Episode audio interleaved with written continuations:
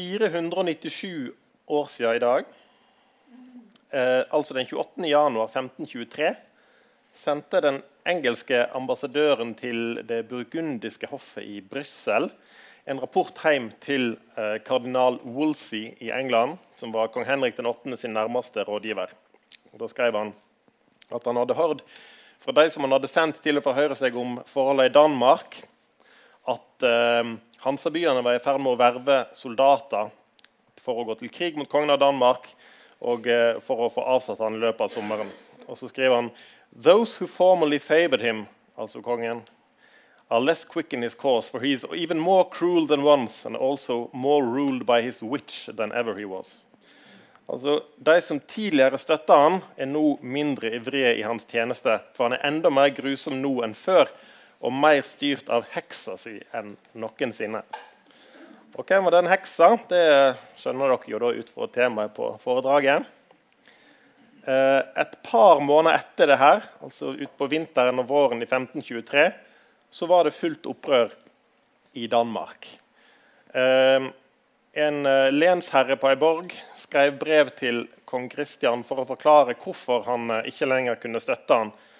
Og Da skrev han her ganger slik ukristelig røkte av den onde kvinne Sigbrett, som hun aldri regjeret mer eller havde mer makt med deres nåde som hun nå haver.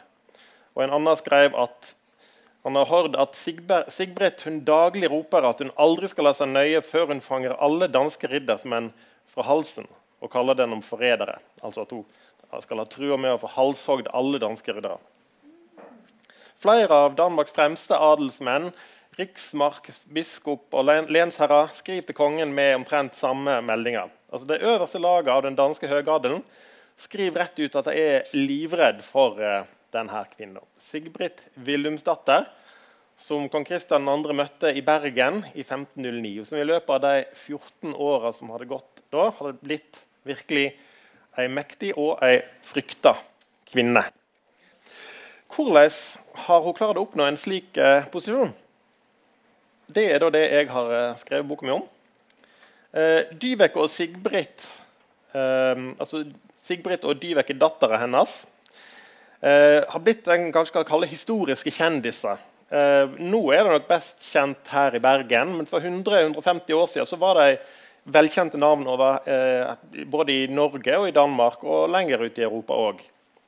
Um, det finnes ingen samtidige bilder av uh, verken Sigbritt eller Dyveke. Men på 1800-tallet ble det laga mange malerier der folk forestilte seg dem. Det, jeg har noen bilder på skjermen der skal være med liksom bakgrunnsillustrasjon. Her er et maleri altså fra 1873 som skal forestille kong Kristian 2. sammen med Sigbrit. Eh, mange av dere som er nå, har nok hørt fortellinger om Sigbrit og Dyveke før, i større eller mindre detalj. Eh, men for de som eventuelt aldri har hørt om noe av det her før, så eh, altså den historien som mange i Bergen kjenner, sånn mer eller mindre at Sigbritt, ei handelskvinne fra Holland, fra Amsterdam, bodde i Bergen tidlig på 1500-tallet.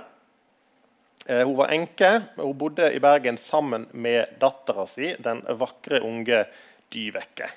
Hvor ung hun er, er det ingen som er helt sikre på.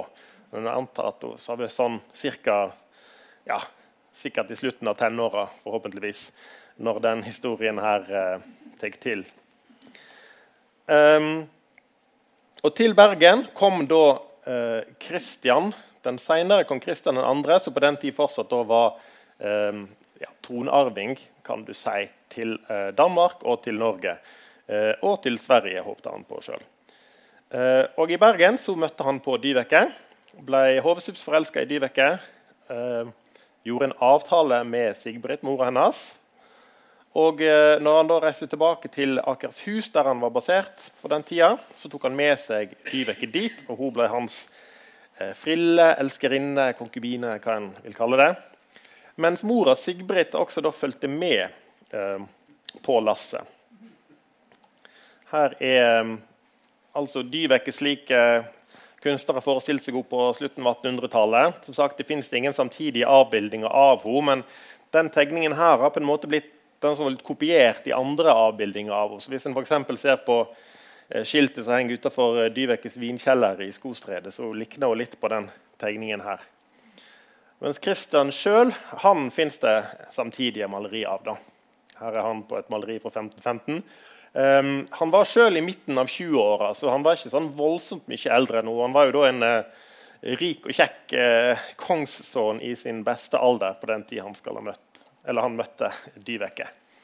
Og Slik har en kunstner sett for seg hvordan det møtet uh, har gått til, selv om det fins vel ingen bygninger i Bergen som så sånn ut strengt tatt. Men det er iallfall et fint bilde.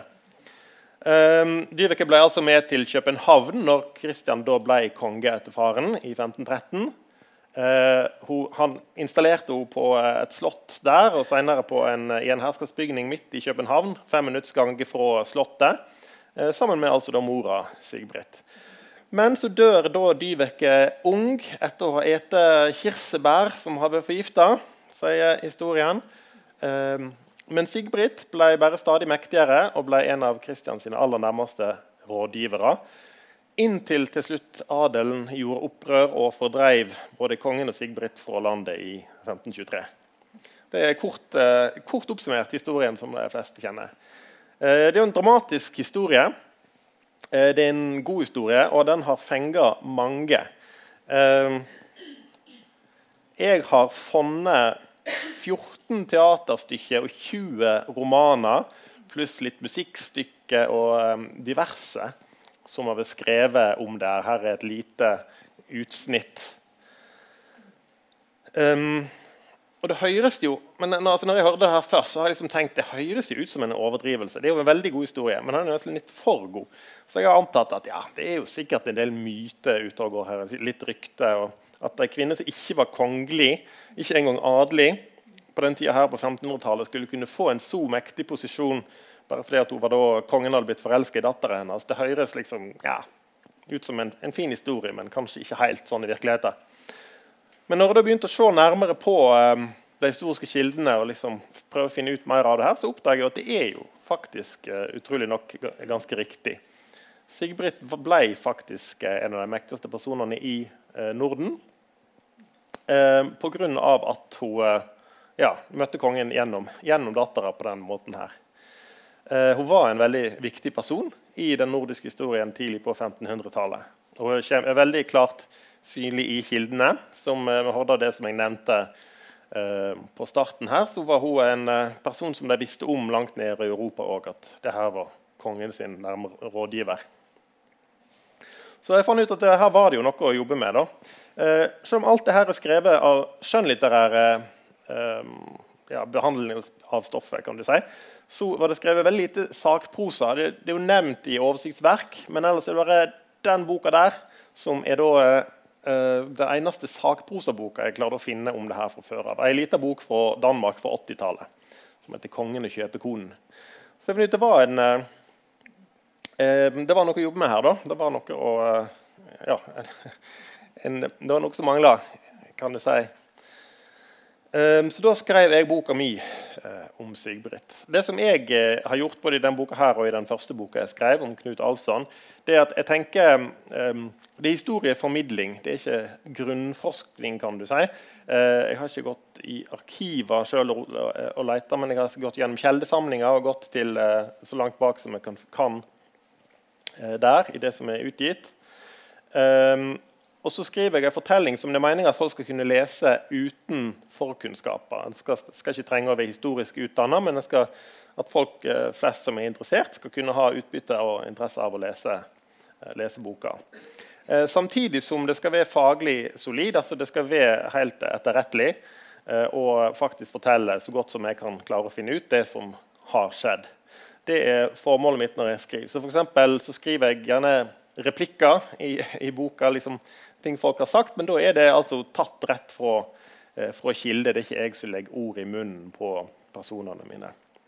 Er, og Der jeg spekulerer på ting, så gjør jeg det klart at, at, det er det jeg gjør. Så Det er den måten jeg på en måte eh, skriver bøkene mine på.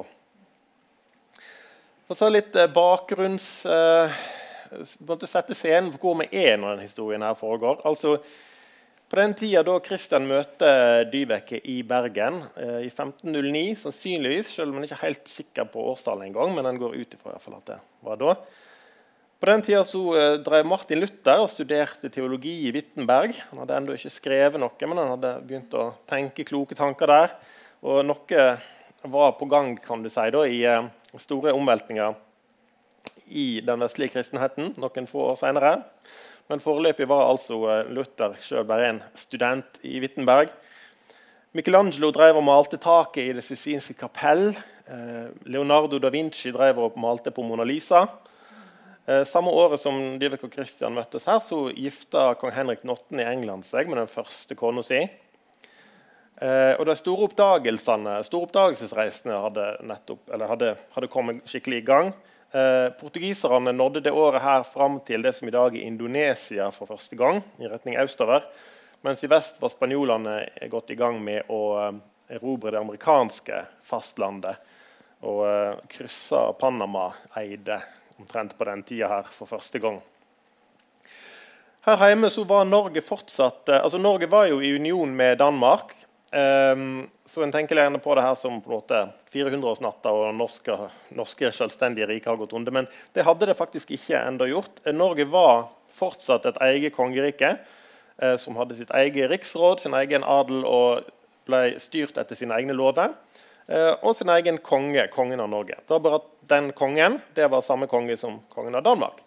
Men han var konge av Norge og av Danmark, og han ble krona både her og der. Det var separate titler. Um, sånn hadde det vært siden slutten av 1300-tallet, da altså det som vi kjenner som Kalmarunionen ble oppretta. Den omfatter jo først òg Sverige.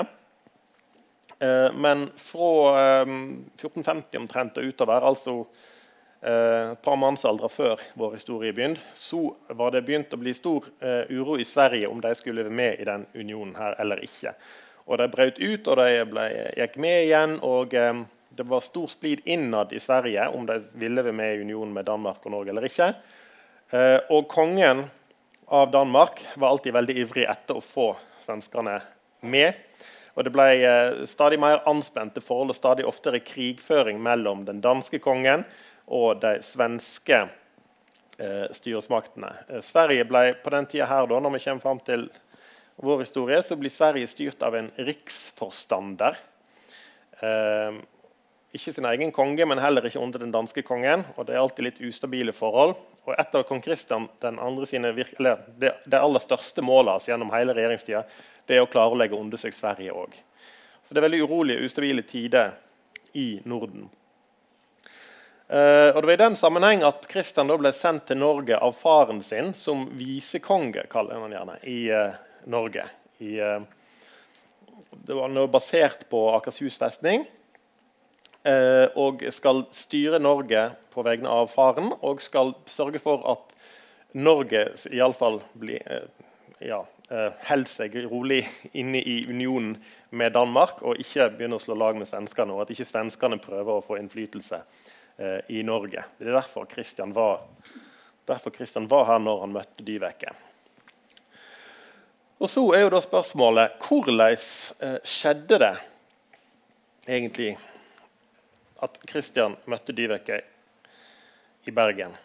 Eh, da er det noen lag som må trenges gjennom eh, når en leser de gamle fortellingene. For det opprinnelige møtet mellom de to er faktisk ikke skildra i samtida. Eh, Geir Atle Ersland som er på universitetet her, han har jobba mye med bergensk historiografi. altså bergensk historieskrivning. De første lokalhistoriene som bergensere skrev om sin egen by. Um, og Det var utpå slutten av 1500-tallet, altså en stund etter det her. Uh, og Han har også skrevet en artikkel om uh, Dyveke der han da går gjennom det her eldste kjeldene. Um, og Det var ingen som skrev ned hva som skjedde når Dyveke møtte Kristian. Uh, det var jo ingen som visste at det skulle bli en veldig viktig hendelse.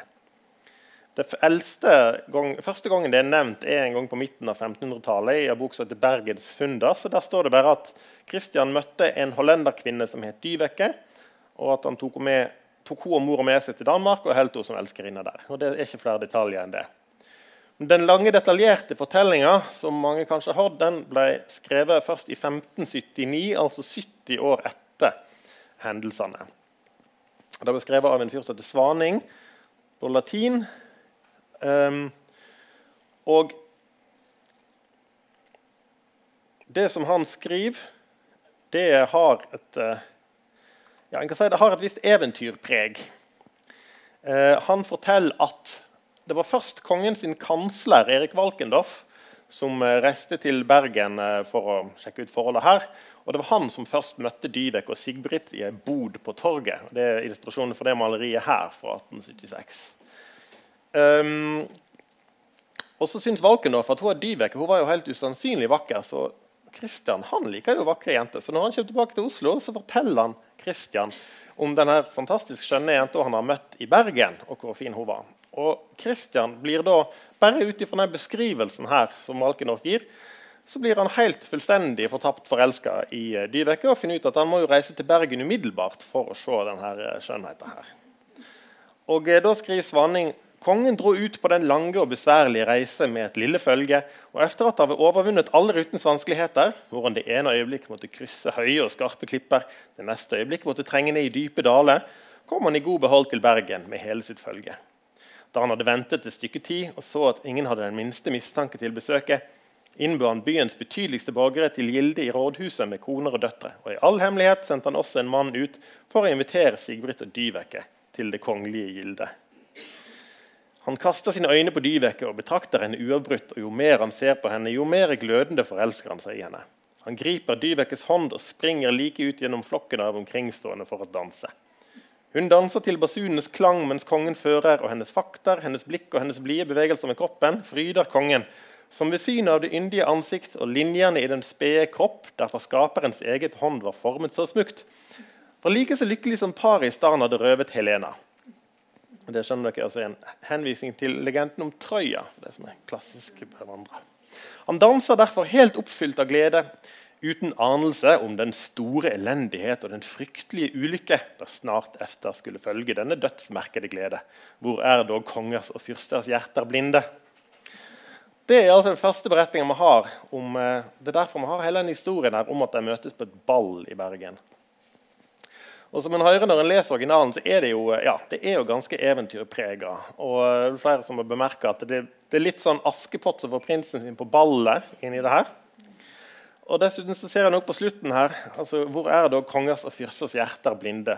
Svaning sitt formål når han skriver det her, det er å advare om hvor eh, moralsk fordervelig denne handlinga til Kristian var. Fordi at, eh, Som vi vet, så gikk det jo gale som følge av eh, det her møtet, og som følge av at han møter Dyvek og Sigbrit, så blir han til slutt avsatt og fordrevet fra sine rike. Så Det er Svaning sitt viktige budskap. Og Når han har et så viktig budskap å komme med, så er det ikke så viktig om alle detaljene er helt korrekte. Så da har han skrevet en, en, fin historie for å bygge opp under den moralen. Så kan Jeg jo ikke, ikke si, jeg kan ikke si at det ikke er sant. Det kan jo ha Bøtsdal likevel. Det kan jo ikke vite. Men uh, altså uh, Det moderne historikers uh, kjedelige blikk som alltid skal pirke og finne ut av om ting stemmer eller ikke, så er jeg tilbøyelig til å si at vi kan ikke egentlig vite at det her er sant. Altså, det er en god historie, men vi kan ikke si noe mer enn det. en eller annen plass må de jo ha møttes, og kanskje var det på et ball. Men noe mer enn det vil vi egentlig aldri få vite. Men at de møttes i Bergen, det er helt klart. Um, og at han uh, tok med seg uh, Dyveke uh, tilbake til, til, Oslo, altså Akershus festning, der han da holdt til, og at hun senere ble med han til København. Men hvem var da det her Dyveke og Sigbrit? Hva drev de med i Bergen? Det er det òg veldig vanskelig å si. men det, det, eldste kildene som nevner det, ble skrevet i 1523, altså det året da Kristian ble fordrevet for rika sine. Og da, De som da gjorde opprør mot han og fordrev han, de eh, hadde behov for å rettferdiggjøre at de gjorde det. Så da var det en som het Paul Helgesen, eh, som skrev et langt eh, ja, dikt, kan du si, eller en kronike på rim om Kristian 2.s regjeringstid. Og Der er absolutt alt gale. Kristian 2. gjør ingenting riktig. Det er en lang kan du si, smedevise mot Kristian. Og Der tar han òg opp da, eh, Sigbritt. Det at han har valgt denne eh, torghandlersken fra Bergen som sin, eh, som sin rådgiver. Og han skriver um, på dikt da, um, om hvem Sigbritt var. Så skriver han hun høket i Holland og røvet i Norge. Nøtter og epler førte hun til torget. Ute i Bergen oppholdt hun kroerhus, og der drakk mang en mann godt rus. Um, det vesentlige her er å, å vise henne som en, uh, som en si, litt nedrig uh, person. Som en gemen, gemen kvinne eh, som det ikke sømte seg for en eh, konge å ha som rådgiver. Men det er den første opplysninga som da oppgir at hun, eh, at hun hadde et kroerhus eller vertshus i Bergen. Og så var det En annen som skrev like etterpå, han skrev at hun solgte brennevin og epler og nøtter for småpenger. Og Derfor kommer den forestillinga at hun var torghandlerske. Og så hadde litt begge de to enten hun torghandlerske eller så hadde hun et vertshus. Det er litt sånn motstridende versjoner der. Men det viktige for alle sammen var at hun var, hun drev med, hun var en en enk, enkel, gemen kvinne. Hun var ikke verdig den høye posisjonen som Kristian hadde gitt henne. og Det var derfor det gikk så gale. Um,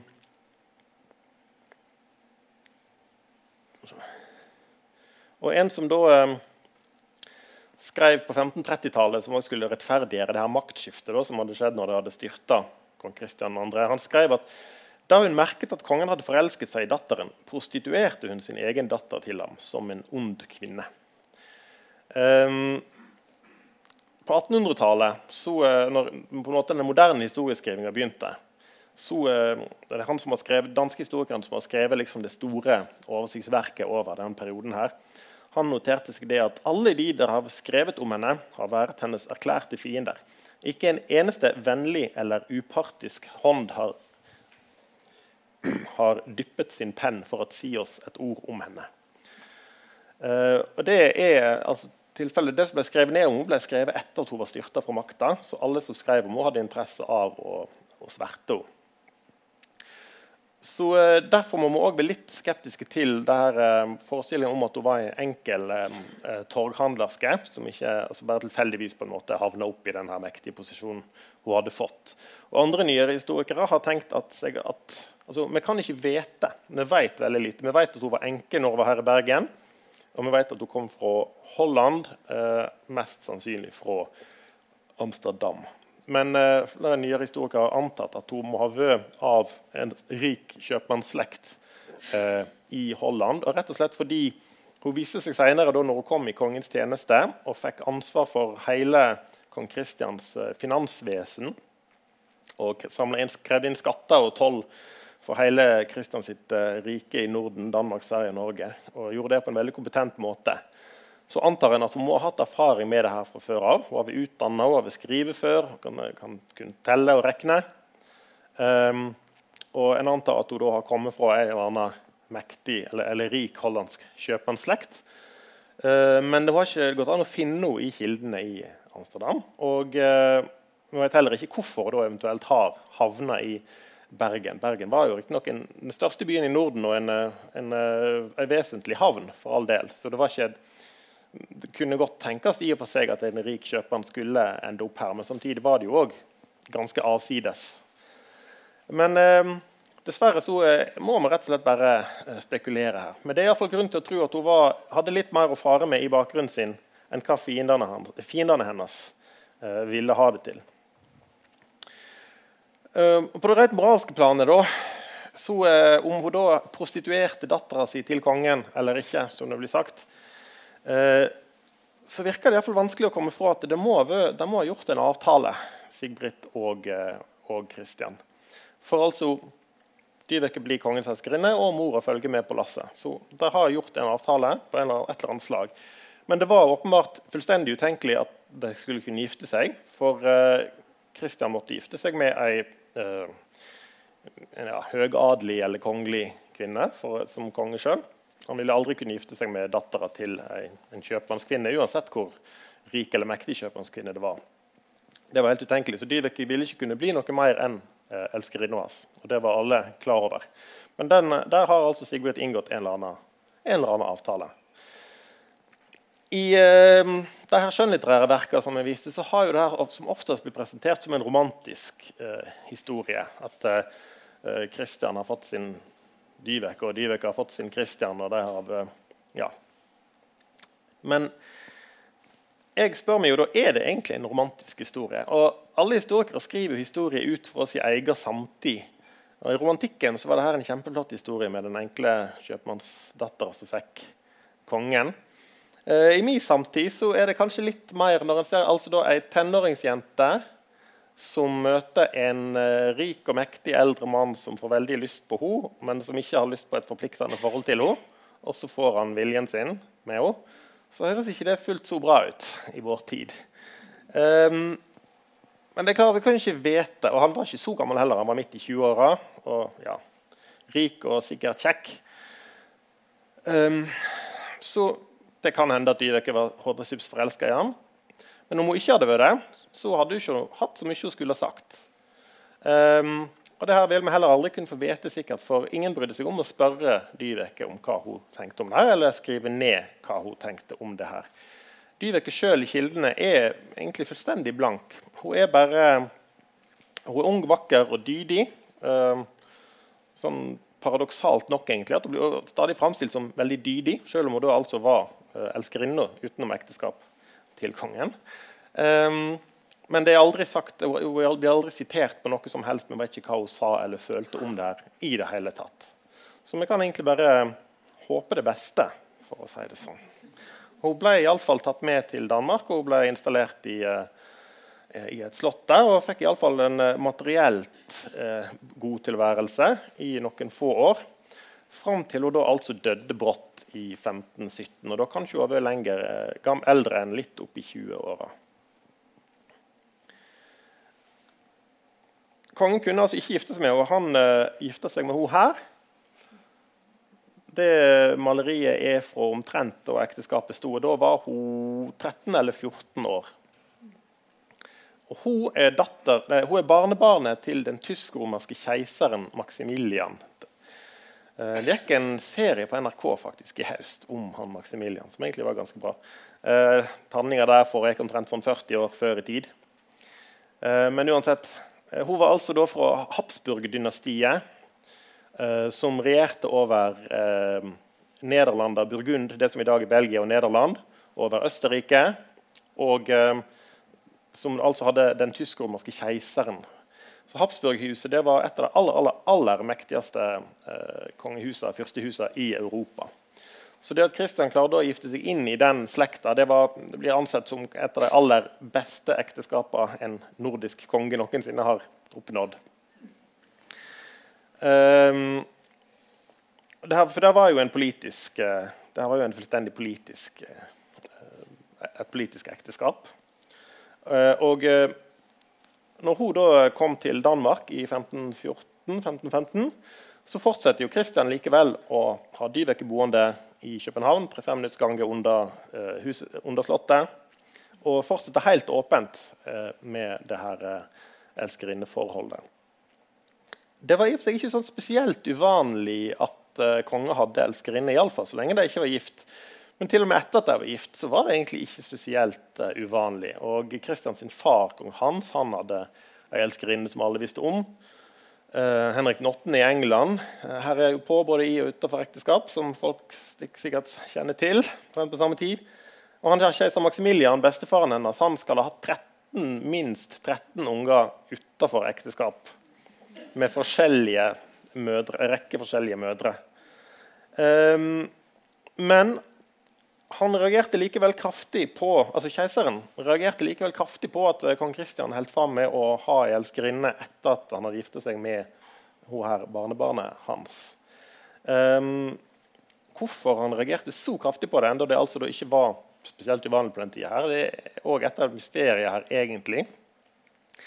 Um, men uh, han, uh, han, ville på ingen måte akseptere altså det, at, at Habsburg-slekta uh, sin ære ble krenka ved at kongen av Danmark hadde gifta seg med Habsburg-prinsesse, men likevel helt åpent hadde ei elskerinne på si. Så han sendte, Etter et par år av det her ekteskapet så sendte han uh, keiseren delegasjoner til, uh, til, København for å gi kongen grei beskjed om at det her er ikke greit, og du må kvitte deg med uh, hun elskerinna di. Og kong Kristian avviste han blankt, som da er en ganske upolitisk, udiplomatisk ting å gjøre. Um, for når du gifter deg inn i Habsburg-slekta, så er litt av poenget der at du skal danne en allianse med Habsburg-slekta. At ekteskapet skal være alliansebyggende, og du skal ha et godt forhold til svigerslekta di. at de blir din politiske allierte. Men han eh, setter altså hele det forholdet på spill fordi han nekter å kvitte seg med elskerinna si. Eh, det blir jo tolka som eh, at han faktisk har hatt reelle, sterke følelser for, for Dyveke. da. At han ikke ville sende henne fra seg selv om keiseren mer eller mindre beordra han til det. Um, det kan også være rett og slett at han bare var utrolig sta. Kristian 2. var òg en veldig um, ja, kan du si nesten ustabil konge. Veldig, uh, veldig voldsom, veldig uh, sjøl... Hva det heter Ja.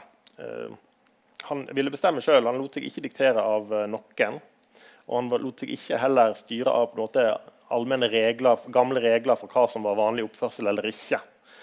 Uh, og Det gir seg også uttrykk i måten han styrte landet på og førte krigen mot Sverige, som han etter hvert uh, begynte å føre òg.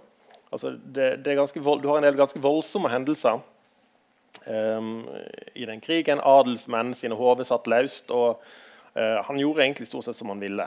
Og han, behelte, og han ville ha Dyveke, så da beholdt han Dyveke. Samme hva, samme hva noen sa, og uten å prøve å holde det skjult.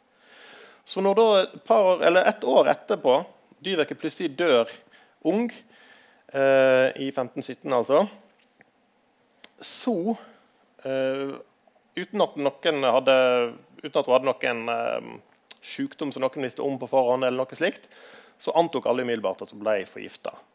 Og det er det som eh, ja, det er det som på en måte ble konklusjonen til alle i samtida. At hun hadde blitt forgifta. Eh, umulig å vite. egentlig. Det kan òg ha vært en blindtarmbetennelse eller en eller annen drastisk eh, brå sykdom. Eh, det ville de ikke kunne merke forskjellen på på den tid. Men det ble iallfall tolka som at hun ble forgifta. Og da ble det bl.a. kasta mistanke på altså habsburgerne rett og slett, og slekta til dronninga. Om de rett og slett hadde reagert såpass kraftig på det her forholdet at de hadde rydda henne av veien. Uh, mens andre spekulerer på at det kan ha vært uh, adel, misnøyde adelsmenn som var misfornøyde med Sigbrits mektige stilling. For at denne uh, Kjøpmannskvinnen fra Bergen hadde de uh, mektige rådgiverpostene som adel mente tilhørte de, som adel mente at de burde ha. Og at de for å ramme Sigbritt forgifta dattera. Um, Kongen sjøl ble overbevist om at det var en adelsmann som sjøl ville gifte seg med Dyveke, som hadde gjort det i, som forsmådd elsker. Og han fikk da halshogd en, eh, en adelsmann uten et, eller, Først fikk han stilt han for retten eh, for å ha drept Dyveke. Så blir han frikjent, og så halshogger kongen han likevel. Og Det var den typen konge han var. Um, men saka mot han er ikke spesielt sterk, egentlig. Så det her er på en måte et, liksom, ja, det er et 500 år gammelt mordmysterium egentlig, som en heller aldri helt har fått oppklart. Hva døde egentlig Dyvek av? Ble jo drept, og i så fall av av hvem. Men hvis det at hun ble drept for å bli kvitt Sigbritt, så slo i hvert fall det feil. For eh, etter at Dyvek var død, så ble Sigbritt mektigere enn hun hadde vært. Eh, stadig mektigere, mektigere enn hun hadde vært før. Um,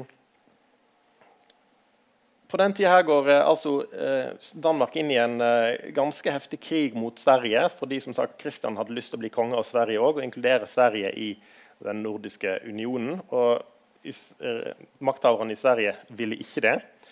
Så eh, etter mange år med forsøk på forhandlinger om det, der Kristian prøvde å bli godkjent av svenskene, så eh, bestemte han seg til slutt for å rett og slett erobre eh, Sverige. Uh, og Krigføringa på den tida her, der var det leiesoldater som gjaldt. Um, du hadde bondehærer og alt mulig sånt, um, og det hadde svenskene hovedsakelig. Men eh, det nye store det var leiesoldater, som du legde i Tyskland. Der kunne du alltid klare å samle sammen en, eh, en leie her. Og så kjørte du den inn i, uh, ja, inn i det landet du ville erobre. Um, så gamle, Fra gammelt av hadde kongen rett til å kreve militærtjeneste av bøndene sine, men det, det, var ikke han interessert i lenger. Han ville ha penger av bøndene sine, slik at han kunne bruke pengene til å lønne legesoldatene og sende legesoldatene inn i Sverige og bli konge av Sverige. Så eh, For å få til det så trengte han noen som kunne presse penger ut av bøndene og adelen og alle som hadde penger. Og Her er det altså Sigbrit at han har hatt sitt store talent, og det er her hun virkelig har blitt nyttig for, uh, for kongen. og Det er det som har gitt henne den maktposisjonen hun fikk. Hun fikk eh, kontrollen over eh, tollvesenet først. Eh, Danskekongens store inntekt, virkelig store inntektskilde var toll på alle skip som reiste ut og inn av Østersjøen. de måtte betale toll når de reiste forbi Øresund. Det her får Sigbrit kontroll over. Satsene blir skrudd i været. Og de som nekter å betale, blir, skipene blir beslaglagt og kjørt inn i København. Og hun kjører knallhardt eh, regime på eh, tollinnkrevinga der. Og de begynner med skatteinnkrevinga av eh, ja, alt som kan røre seg, eh, kan du si. Um, og hun klarer å samle inn ja, De, klarer klarer å få inn veldig vel mye større inntekter enn hva de har hatt før. Og de klarer å samle store store hærer, eh, som de angriper Sverige med. Så blir det slått tilbake. Svenskene klarer å forsvare seg. Så må de prøve en gang til. Så må de samle inn enda mer skatter. Samle enda ny her. Angripe Sverige enda en gang. Så ble det slått tilbake. Så prøver de for tredje gang. Og til slutt så lykkes de med å erobre Sverige. Men i mellomtida har de da klart å heve et vanvittig skattetrykk i rika sine, som da gjør dem upopulære blant absolutt alle. Ehm, de prøver å få inn skatt av prestene, som ellers fra gammelt av var skattefrie. Eh, de øker skattene på bøndene, um, på kjøpmenn, på toll. Um, og ja, aller uh, grelleste eksempel er hvis uh, her i, på Vestlandet, lensherren her i Bergen, han krevde inn en formuesskatt på altså en tredel av all fast eiendom som prestene i uh, Bjørgvin bispedømme hadde. Altså en formuesskatt på 33% mer eller mindre. Eh, krevde han å få inn av, av alle prestene. Og trua med å, at de som ikke betalte, de skulle han drukne i sekker. Så det her fører til at både kongen og Sigbrit blir veldig upopulære. Og det er nok det her, det er mange mulige faktorer, men det er mye det her som, eh, som ligger bak det at adelen til slutt altså gikk til opprør og fordreiv da eh, Kristian fra rika sine i 1523. Det, ble, eh, det var stadige kriger. Så ble aldri ferdig med de krigene. Når han til slutt klarer å erobre Sverige, så regjerer han Sverige i et par år. Uh, går voldsomt brutalt fram der òg, med Stockholms blodbad, som svenskene kjenner det som. Der uh, uh, 80 motstandere av kongen ble henrettet på torget i Stockholm under kongens kroningsfest der. Det tenkte han skulle knuse all motstand i Sverige, men i stedet for så gjorde det at svenskene Eh, kom på hvorfor de var så motvillige mot å ha han som konge. i utgangspunktet. Så da gjorde de opprør på nytt. Og eh, Et år etter at kongen Kristian var krona til konge av Sverige, så hadde svenskene klart å drive han ut igjen. Så krigene tok eh, aldri slutt. Skattetrykket tok aldri slutt. Um, og samtidig så sitter her adelen og tenker Hun her Sigbrit, hvordan i all verden har hun klart å få altså, det er meg, det er adel, det er oss, det er vi som skulle styre landet i forbindelse med kongen. Det er ikke en eller annen kjøpmannsfrue fra Bergen. Og Hvordan i all verden har hun klart å få den posisjonen her uansett? Og Den mest nærliggende forklaringa de kunne finne ut, var at måtte være heks. Selvsagt. Um, naturlig nok. Uh, på den tida var faktisk ikke hekseforfølgelsene kommet i gang i Norden ennå. Det var fortsatt ingen som hadde blitt henrettet for hekseri i Eh, i Norden ennå. Men det hadde, det hadde, begynt å skje nede på kontinentet. Så det var en farlig beskyldning å, å reise. Og erkebiskopen, uh, erkebiskopen av Nidaros på den tida her, han eh, sa, skrev rett ut at eh, han frykter for at eh, Sigbrit vet mer enn hun bør etter kristenretten. Altså At hun har forbudt kunnskap. At, har, at, det er det som gjør at hun har denne makta over eh, kongen. Og Det stemmer, altså, det spredde seg da til for engelske diplomater som omtalte sikkert som uh, 'the king's witch'. Uh, det var ingen som torde å si til kongen mens han regjerte. Men straks de hadde fordrevet han, så kom altså disse forestillingene fram. Som sagt så finnes det ingen samtidige avbildninger av Sigbrit. Det nærmeste vi har, det er det her. det er her med signaturen hennes der står, har hun skrevet Seaborg, Seaborg Willoms, altså Willomsdatter. Um, og bumerket hennes Hun hadde ikke et segl, for hun var ikke adelig. Så hun hadde et bumerke, og det var den der. Og det går òg igjen eh, Det ser en òg toppen av der. Det her er rett og slett gravsteinen hennes. Eh, men hun har aldri vært begravd under den. For det var ganske vanlig på den tida at eh, rike folk lagde seg gravsteinen sin sjøl. Altså fikk lagd gravsteinen sin sjøl mens de var i live. Så når de hadde fordrevet Sigbritt og Kristian fra København, så fant de gravsteinen i huset hennes. Og en av de Her står det langs sidene så står det vel eh, ja, Det er ikke så lett å lese dem, men uh, det, står, det, står, navnet hennes da, på, uh, i den innskrifta rundt. Slik at en vet at det er hennes, hennes stein. den ble da tatt av en av de, en av de adelsmennene som, som, var mest misfornøyd med henne. Han fikk tatt denne gravsteinen med hjem til godset sitt og stilte den opp i porten og med ordre til alle til alle uh, tjenestefolka sine om at hver gang jeg gikk forbi han, så skulle jeg spytte på han eller gjøre det som verre er. Hva nå enn det var. Og så ble han, den ble funnet igjen på rester av han på 1700-tallet. og Så fant de flere og flere deler, sånn at de kunne på en måte pusle han sammen. Men dessverre så er altså ikke ansiktet hennes med. Etter melet hun fikk i samtida så uh, Hans Vaning, som skrev historien om hvordan de møttes i Bergen, han oppsummerte det altså med uh, den dansen, uh, kongen sin dans med Dyveke. Hvilke veldige utgytelser av uskyldige menneskers blod, hvilke mengder av urettferdige drap, ja, hvilke rystelser i disse rikers grunnvoll lå der ikke gjemt i denne ene dans. Ja, ikke så lenge efter tvang den kongen til i skammelig skrekk og redsel at flykte fra disse tre mektige nordiske riker, og kaste seg og sine ut i redselsvekkende umåtelige ulykker. Så eh, I et par år etterpå så var det her en, en, eh, en, en moralfortelling om hvor eh, forferdelig gale det kunne gå når kongen ikke fulgte den, eh, den, rette sti. for å si det sånn. Så kom romantikken, og i 1796 så kom det første av de her veldig mange skuespillene som jeg viste på starten. Da ga det fram denne historien her, en som heter Ole Johan Samsø, som skrev skuespillet 'Dyveke'. Um, her er et maleri av uh, hovedrollen i den, helt til venstre. Og her har du et av andre hovedrolleinnehavere som har spilt Dyveke opp gjennom tiden etterpå. Uh, som sagt, Det ble skrevet iallfall 14 skuespill. Senest i 2013 ble det oppført på Den nasjonale scene. Det er kanskje noen av dere som har sett. Og da var altså i det skuespillet fra 1796 så har Dyveke blitt en perfekt, uskyldsrein skikkelse som uh, ikke har noen andre tanker i hodet enn at hun elsker kongen, og kongen elsker henne. Og Det hele er veldig veldig romantisk, men det kan aldri gå bra. og Det er en, en skikkelig romantisk tragedie. Og Det var veldig populært det ble spilt utover hele, helt til slutten av 1800-tallet. I 100 år så drev det og spilte, framførte det her uh, teaterstykket i både Danmark og Norge. Og det ble skrevet skuespill i, uh, i Tyskland. I Riga ble det skrevet en. H.C. Andersen har skrevet et.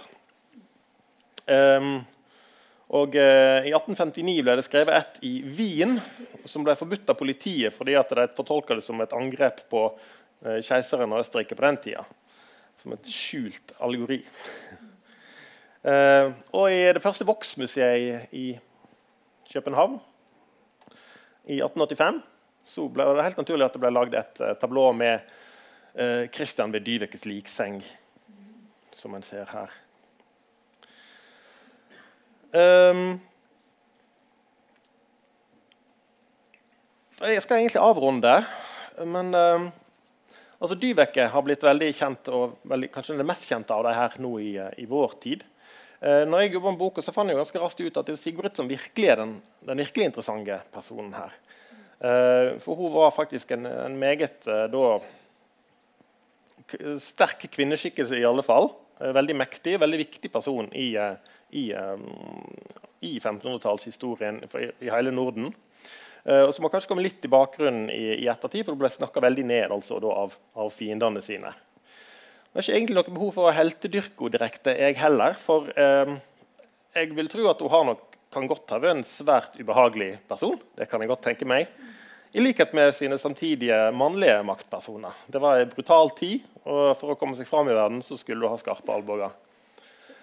Um, men hun visste hva hun ville, og hun hadde òg den ekstra selvtilliten som en da måtte ha for å faktisk hevde sin plass en, uh, som kvinne i en, verden der det på ingen måte var meninga at kvinner skulle ha så mektige posisjoner. Um, og Om det var bedre eller verre enn om noen andre hadde hatt makta, det skal ikke uttale meg om. Men som hun, skriver, hun sier sjøl i en, en, formulering i en samtale som er gjengitt uh, i, uh, av en, en, som snakket med henne, en kjøpmann fra, fra Danzig, eller en, diplomat fra Danzig, altså dagens Dansk, som møtte Sigbrit i København. Eh, og eh, klagde etter at Sigrid har fortalt han om alle de tingene som nå har blitt forandra. Fordi at eh, hun har kommet til makt. Har, nå er det hun som gir kongen råd. Eh, og så sier, hun, sier han her kjøpmannen, eh, diplomaten, at eh, men det her er jo helt, er jo helt nytt. Jo, alle år har vi jo ikke gjort det på den måten her. Og så svarer da Sigbrit at ja, men nå, nå som kongen vet bedre, så gjør han det òg bedre. Pga. at jeg rådgir han. Så Bedre eller ikke bedre, men ja, iallfall annerledes ble det. Av at Sigbrit var der. Takk for